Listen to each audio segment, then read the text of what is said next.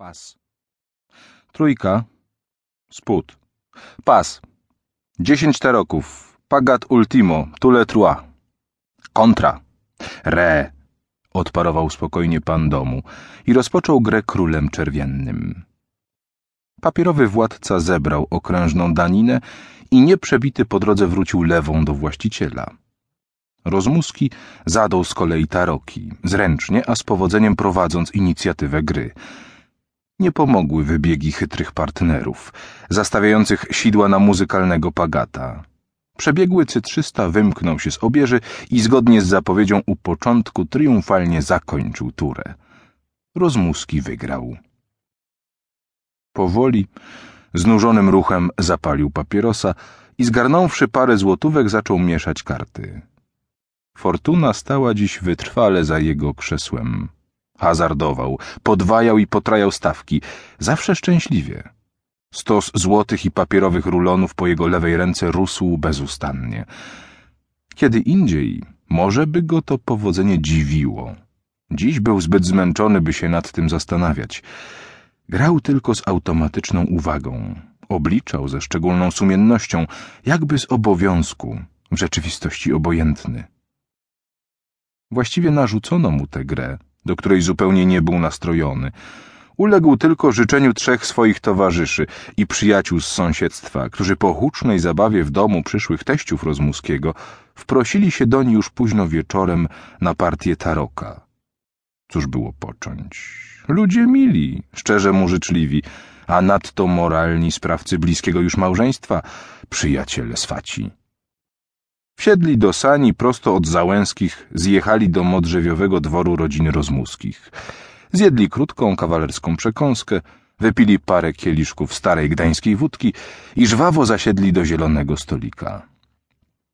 Rozgrzani siarczystym mrozem, sporą ilością wychylonych napoi i ciepłem dużej staropolskiej świetlicy, panowie rozobozowali się w domu przyjaciela swobodnie, niekrępowani obecnością kobiet.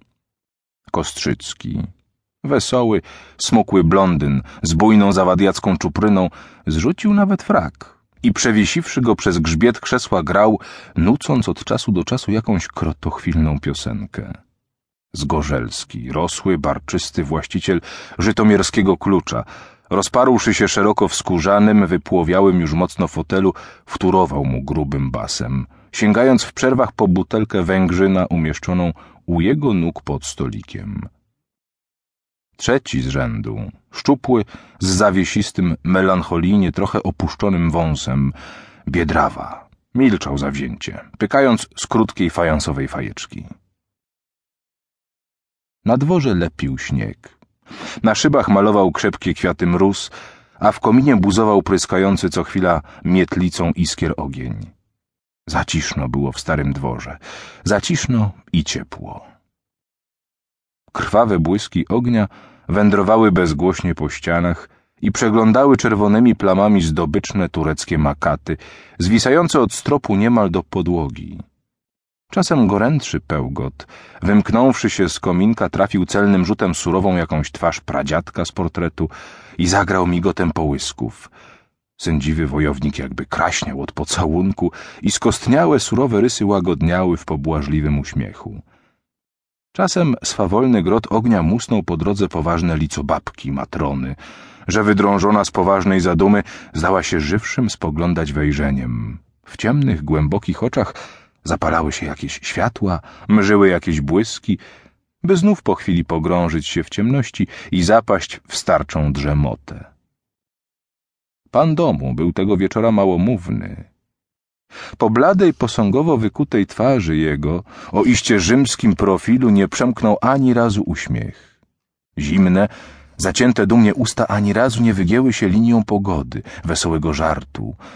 Obojętnie zbywał milczeniem dowcipy przyjaciół, ze spokojnym chłodem odpowiadał na przekorne ich zaczepki. Czarne mgłą smutku powleczone oko patrzyło gdzieś w przestrzeń.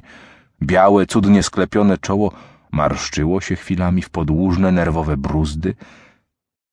Był w nastroju zgoła nieprzedweselnym.